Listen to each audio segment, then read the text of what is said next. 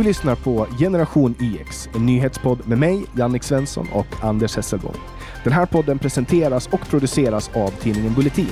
Om du vill vara först med att höra nya avsnitt av Generation IX får du tillgång till dessa genom att bli pluskund på bulletin.nu.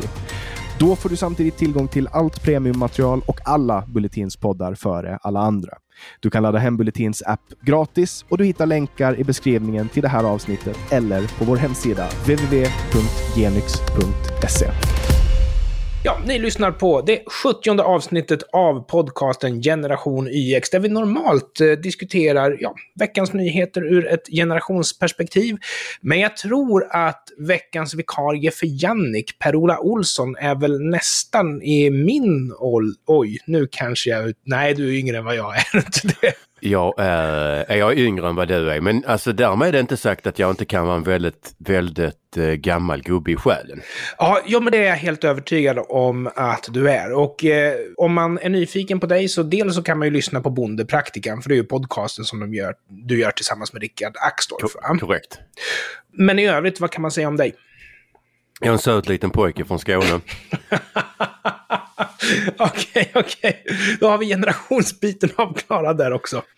Nej, alltså generationsbiten, vi kan, vi, jag är lite så generationsbiten, jag är en 80. Alltså jag är väl mm. egentligen på gränsen mellan, vad är det, generation X och millennial. Ja, precis. Eller generation Y är du, skulle Eller, jag väl säga då. Y kanske då. För y, den ligger ju... Ja, y, y är det, ja, precis, precis. Och det är ju ni som är så jäkla bortskämda och Nej, förlåt mig. Millennials är de som är jäkligt bortskämda, för det är de som blev vuxna någon gång runt eh, millennieskiftet. Så du är på gnällen till millennial, fast du är ju nog Y, skulle jag säga. Alltså jag, jag, jag har aldrig känt mig särskilt eh, bortskämd. Nej, jag skulle säga också att de som är födda runt millennieskiftet, det är ju de som kritiserar millennials för att de är så mjäkiga och sånt där. Men, men ja, visst, du är, inte, du är inte en sån som liksom sitter och gnäller över, utan du får saker gjorda. Ja, men sen är jag även, alltså jag är ju ändå född bonde så att gnälla ligger lite i mitt DNA. Ja, just det. Och då reagerar jag faktiskt på en grej som du har sagt i din podcast. Eh, jag är ju en senbliven eh, lantis. Ja jag är den sortens person som mycket väl skulle kunna åka ut och lära folk som har bott på landet i hela sitt liv hur man gör för att odla morötter. Jag har stått på sådana människor. Det brukar eh, sluta underhållande. om, vi, om, om, alltså, om vi säger så här, alltså det, ja. alltså jag vet, alltså det har ju hänt att alltså, han, han jag tänker på primärt, han flyttade ut på landet för att lära bönderna hur man skulle bedriva lantbruk och skaffade får. Uh, vi har aldrig haft så feta kråkor. Jösses. Nej, men jag tror att man blir expert bara man, liksom vem som helst är expert idag. Man behöver liksom inte ha övat, utan expert är någonting som vem som helst kan vara. Vi har ju haft det där på Twitter om nätsäkerhetsexperter och så vidare. Eh, ja. Jag ska förresten säga att jag stötte på experter idag. Nej, men berätta. Jag har ju tagit semester för att verkligen avsluta året korrekt. Och som engagerad i humanisterna så innebär det att framåt jul så åker man runt i skolor och föreläser om vilka vi är och vad vi tror på, eller snarare inte tror på och varför. Ja. Och jag har fått de mest extrema variationen i det där nu under den här lilla turnén. Mm. Det var en skola som hade gjort en värdegrundsundersökning på mig genom att gå igenom mitt Twitterflöde och min blogg, som var arga när jag kom. På grund av att jag ja, egentligen försvarade yttrandefriheten och tyckte att det var helt okej okay att parodera islam. Det var den ena extremen. Och den andra extremen kom jag precis hem ifrån. Där det sitter alltså ett gäng ungdomar som tända ljus och sen när jag är färdig med liksom mitt kärnargument, då säger de ja, ja, Gud finns inte, men hur ser du på det här i strängteorin? Och hur ser du på multiverse? Och så vidare. Så heter det, ursäkta, ni ligger på för hög nivå för mig. Och allt finns verkligen där ute och man blir nästan glad när man blir slagen på fingrarna av ett gäng gymnasieungdomar, eller vad säger du? Oh, gud ja. Ja, och apropå då, om jag ska knyta ihop säcken med de här bortskämda millennials, så föll alltså mina ögon nu på ett kort meningsutbyte på Twitter där en kille skriver att ja, min 30-åriga kvinnliga kollega visste inte vem Stalin var. Hon hade inte Aj. en aning. Hur är det ens möjligt? Att det var en kvinna spelar väl ingen roll, åldern är väl det viktiga här. Ja, ja, ja, ja. Och en annan person, håll i hatten nu, en annan person kommenterar Du skulle vara med när min fru spelar frågespel med sina anställda. Och då påpekar han att det är kvinnor mellan 20 och 30. Ingen av dem har hört talas om Lenin. De var övertygade om att världens högsta berg heter Madagaskar och Berlinmuren var en nyhet för dem. Det finns skillnad på människor och människors intresse för omvärlden, eller vad säger du? Uh, alltså, alltså det, det, det kliar i min hjärna. ja, men hur är det möjligt? Jag säger samma sak. Hur är det möjligt? Jag blir stum. Men jag blir samtidigt ganska ledsen för att nu, nu är ju uppenbarligen du och jag så pass gamla så att Alltså jag, kommer, alltså jag kommer ihåg när min far smugglade in en trådlös telefon till, till Sverige. För att alla telefoner, alltså alla telefoner i Sverige ägdes av Televerket och man fick inte äga. Ja, just det. Ja. Jag är förkyld så in i helvete. Um, alla telefoner ägdes av Televerket och uh, farsan köpte en trådlös telefon i mm. Tyskland. Och uh, fick helt enkelt smuggla in den för att man fick inte ha sådana i Sverige. Nej, du fick inte koppla upp telefoner som inte var Televerkets på nätet. Liksom. Men... Precis, och sen, sen kommer alltså människor som är vuxna. Och, nej men som, alltså, men, alltså, men de är ju ändå vuxna och, ja, och liksom ja, har, alltså, har, har missat den här delen av vår historia, hur Europa såg ut. Alltså ända in i, i vad ska vi kalla det för, modern tid. Ja, ja. Nej, jag tror att någonting som har grott inom mig, det var den här serietecknaren Max Gustafsson. Jag vet inte om du känner till honom, men han ritar ganska, vad ska man säga, primitiva teckningar med räta linjer och stora ovala ögon. Och han men, gör... det, men, men alltså, ja. jag är inte jätte... Men det är det han som har ganska så fula bilder och sen har han ett ganska uttryck, alltså ut, ett väldigt ja. tydligt vänsterperspektiv och ja. sparkar in norra Europas mest vidöppna dörrar. Ja, och det må han gärna göra, för sånt tycker ju, alltså om du sympatiserar med hans politiska åsikter så tycker du det där är roligt. Men de är alltid liksom ledsna och han driver med att hårdare straff. Åh oh, nej, jag kan inte begå brott för straffen är så höga, bla bla bla. Men jag tänker på att liksom, den här världsfrånvända humorn som ibland kan dyka upp. Eh, och han är ett exempel på det där när han hade ritat en bild föreställande vin och sprit som stod ute på landet. Och sålde billigt brännvin till fulla landsortsbor. Och sen så var ambulansen där och var frustrerad över att de var tvungna att ta hand om folk som mer eller mindre hade druckit ihjäl sig. Och det han försökte säga här, det var nej till gårdsförsäljning av alkohol. Nu, nu, nu kliar det i mitt huvud igen. Ja, och om jag har förstått saken rätt, alltså grundprincipen som han spelar an på här, det är ju då att alkoholister, de ska inte köpa billig Explorer på Systembolaget. De ska åka ut på landet och köpa svindyr cider från någon gårdstillverkare. Ja, liksom. det, det är den första hypotesen. Den andra hypotesen är att gårdsförsäljning inte kan ställas krav på. De kommer sälja till fulla oavsett. Liksom. De är helt, lantisar är helt okontrollerbara. Och dessutom så är ju förslaget som ligger om gårdsförsäljning förenat med en massa krav på att du ska ha gått en guidad tur om tillverkningen av den dryck du köper och så vidare. Det finns ja, liksom ingen ja. förankring. Men folk älskar ju den här typen av satir. Ja, men den är ju, den är ju juvenil ju. Den är, alltså, den är, alltså, eller den... är den det? Den kanske är intelligent. Det är bara det att de älskar att missrepresentera oppositionen. Det kan ju vara så. Jo, men för att kunna tycka att den sorten, att den humorn är rolig så måste du ju ha en fruktansvärt, eller du måste vara fruktansvärt dåligt insatt. Ja, jo, det måste man ju säkert vara. Men jag tänker på han, eh, steget efter, missrepresenterar inte han vänstern en aning? Fast han tycker jag är fruktansvärt rolig. Jo, ibland missrepresenterar han vänstern, visst fan gör han det. Men, men han alltså, om, vi, om, du tittar på nivån mm. så har han, alltså menar, där, där är ju en betydligt mycket större tanke och där, alltså, där är ju en, får vi säga svans? Nej men alltså, mm. där är, alltså, vad ska vi, eller en publik. Ja. Där är en avsevärt stor, alltså avsevärd skillnad i steget efters publik och Max publik. För att steget efter är ändå alltså ganska mycket mer, ska vi säga bildad och uppdaterad än vad de som tycker att Max-humor är. ja, men alltså, det, är ju sällan, är, det, är liksom sällan, sällan du ser de här riktiga idiothögertrollen Mm. som delar steget efter. Nej, så är det ju. Så är det ju. Även om de befinner sig, vad ska vi säga, på högerhalvan så är det alltså, de, de, de, de har uppenbarligen inte förmåga att processa humorn. Nej, och jag, alltså jag håller med dig. Jag, jag, vill också bara, innan vi går in på dagens ämne, som är det totalitära Sverige, så vill jag bara ta Max i försvar. Han gör ett alldeles utmärkt jobb och han är ju väldigt populär i sitt läger. Men det jag ibland kan tycka det är att det skulle kunna bli mer edgy om man representerade mer korrekt vad han sparkade på, tror jag. Men parodiering ja, men alltså, är ja, men ju alltså, missrepresentation alltså, men, också. Ja men alltså, alltså problem, alltså vad ska jag säga, skillnaden mellan steget efter och Max det är ju att Max sablar ner halmgubbar. Ja. Alltså, anledningen till att jag är så försiktig med att hålla med dig här, det är för att jag håller med dig. Det är bara att jag försöker fundera på om steget efter också till viss mån gör det, men, men eh, kanske inte alls i samma utsträckning, nej. Alltså jag vill ju hävda att det inte är i den utsträckningen. Nej. Ja, men så där. Jag hoppas att ni söker på Max Gustafsson och eh, tycker ni hans grejer är bra så stötta honom. Jag är väl inte jätteimponerad om jag ska vara helt ärlig.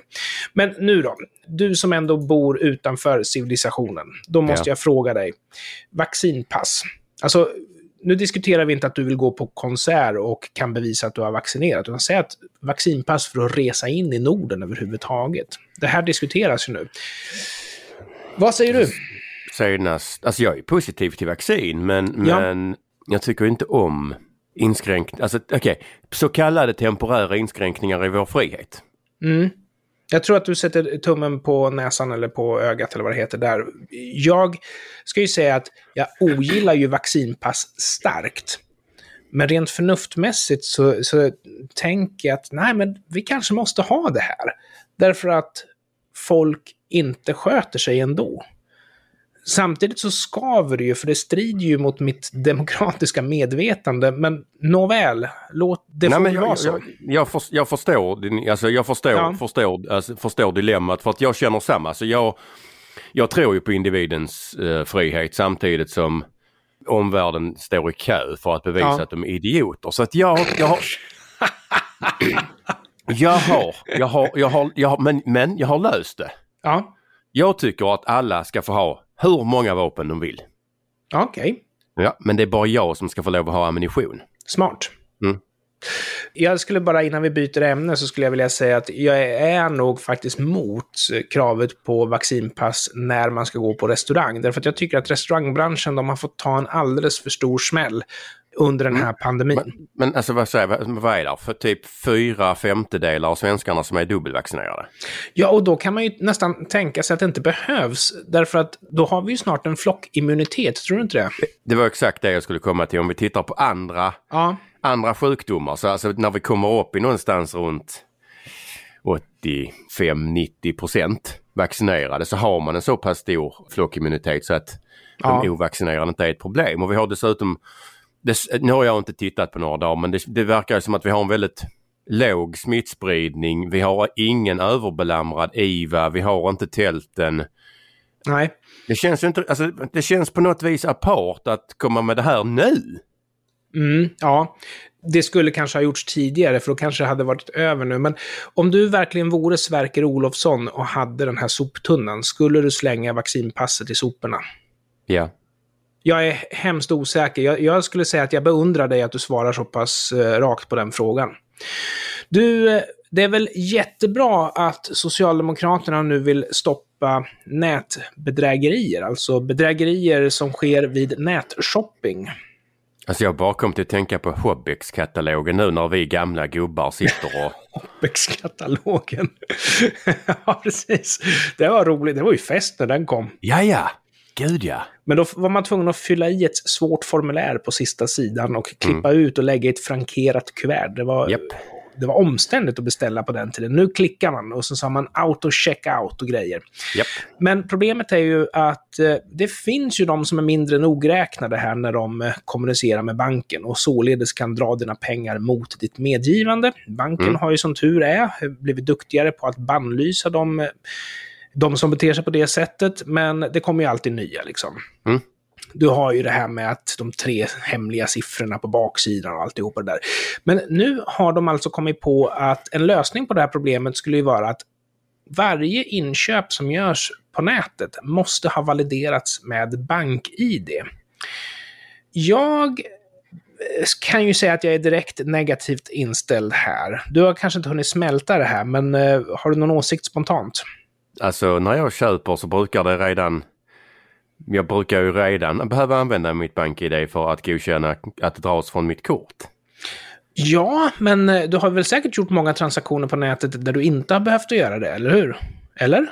Jag har gjort det kan jag säga. Alltså, det, ja, men det, alltså det är typ mm. Spotify och sånt skit, men... men uh... Ja. Dit jag vill komma här, det är ju alltså att fördelen med att uh, ha kontanter, det är ju att ingen för register på dina inköp. Mm, och om man nu börjar handla med kort och banken börjar kategorisera dina utgifter så tycker jag att de lägger lite grann näsan i blöt. Och är det nu så att BankID kommer ovanpå det här så har du ju ännu mindre skydd för det första.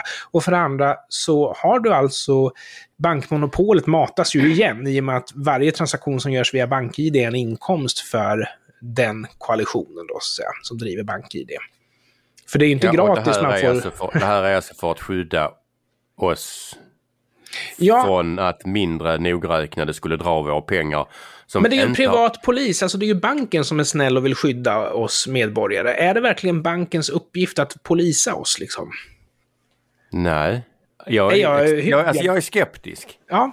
Jag är väldigt skeptisk. Det finns ju EU-regler som handlar ja. om att att eh, det är väl i alla fall när man betalar med kort. Så man ska alltså verifiera mm. kortet. Ja. Såvida det inte är återgå, återkommande, typ Spotify där du har be, alltså bekräftat från början. Men, ja. men, eh, men jag, alltså jag, ser, jag, ser, jag ser ärligt talat inte riktigt varken behovet eller vad det löser. Nej, och jag håller faktiskt med. Jag tycker att det är dåligt. Och om det är så att du verkligen vill säkra upp ditt kort, tänk dig att du är ute och reser. Skrapa bort CSV-koden från kortet så att inte bartendern kan skriva av det och sen sälja det. Jaja. För han har ju ditt kortnummer i och med att du drar kortet. Japp. Och det andra som man kan göra, det är ju, och det gör ju banken redan idag, det är ju att om en näthandelssajt eller ett taxibolag eller vad det nu kan vara för någonting godkänner alltså sådana här card not present transaktioner utan någon som helst säkerhet, då kommer ju det banken till känna när jag ringer dem och förbannad för att mina pengar är borta. Och då Jaja. blir ju den som har handlagt den transaktionen blir ju blockad från att använda bank. Och, mm. och, jag tycker det är rätt väg att gå. Jag förstår inte riktigt varför vi ska ha bank-id ovanpå det. Ja, men alltså är det inte liksom själva essensen av politiken att, att man ska in och peta i exakt allt? Ja, ja. Åh herrejösses, jag, ty jag tycker du avslutar det bra. Och slutligen då så vill jag fråga dig, du minns väl turerna kring Julian Assange och framförallt minns du varför han var så impopulär i Sverige? Jag menar, sådana som han brukar ju vara hjältar. Alltså jag kommer ihåg att det var några damer som anklagade honom för, för eh, vad heter det nu för tiden? Olämpligt, Sex, sexuellt, ja. olämpligt sexuellt beteende och eh, non-consensual sex eller vad fan det nu heter. Ja, oaktsam våldtäkt eller något sånt där kan, kan det ha hetat eh, i Sverige tror jag. Numera. Ja. Jo, jag, alltså, jag, jag kommer ihåg honom. Han, han har ju varit en följetong länge. Och han har ju alltså definitivt, vad ska man säga, visselblåsarstatus i folks medvetande. Men just i Sverige så vändes hela historien upp och ner på grund av egentligen det här triangeldramat som dök upp då. För det var inte helt självklart att han hade liksom gjort de gärningar som han anklagades för. Men det hamnade helt i skymundan liksom. Och just det här att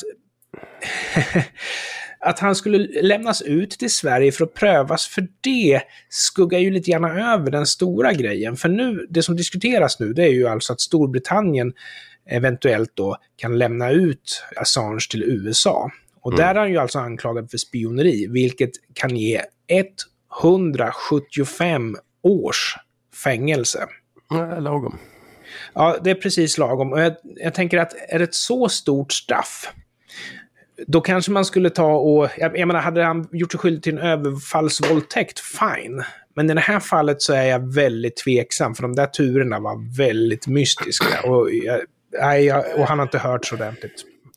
Ja, nej men alltså jag, jag var, alltså jag, jag brydde mig ärligt talat inte så jävla jättemycket om turerna fram och tillbaka men de, alltså där, där, där var något som skavde. Eh, jag kan inte sätta fingret på det. Sen att nyheten om Julian Assange togs emot annorlunda i Sverige än i resten mm. av världen kan väl ganska mycket också ha med att göra att vi i Sverige har ju en enorm tilltro till systemet och staten och mindre till individen. Korrekt. Och, och, och är det då någon illsinnad jävel som läcker om att staten inte funkar eh, ja. och att de har gjort fel. Det är ju alltså ett angrepp på hela det svenska kynnet ju. Ja, och där sätter du ju faktiskt eh, verkligen full pott. För den här sexuella anklagelsen som riktas mot honom är ju precis misstro mot individen. Och det han själv gjorde var ju precis misstro den stora staten, så det passar ju perfekt. Men däremot så undrar jag, var har vi då de här Google, Facebook, eh, två företag som vi vet eh, spionerar på sina ja, brukare, eller kunder kan man ju inte säga, men sina brukare. De är väl lite grann att betrakta som att de står i det goda lägret. Jag menar, folk använder Google Google, folk använder Facebook utan att blinka trots att det samlas in data. Det goda? Alltså, alltså jag vet alltså, alltså nu, nu vet jag. Alltså, alltså, ja, vad, tror du folk, vad tror du folk tänker? Inte alls.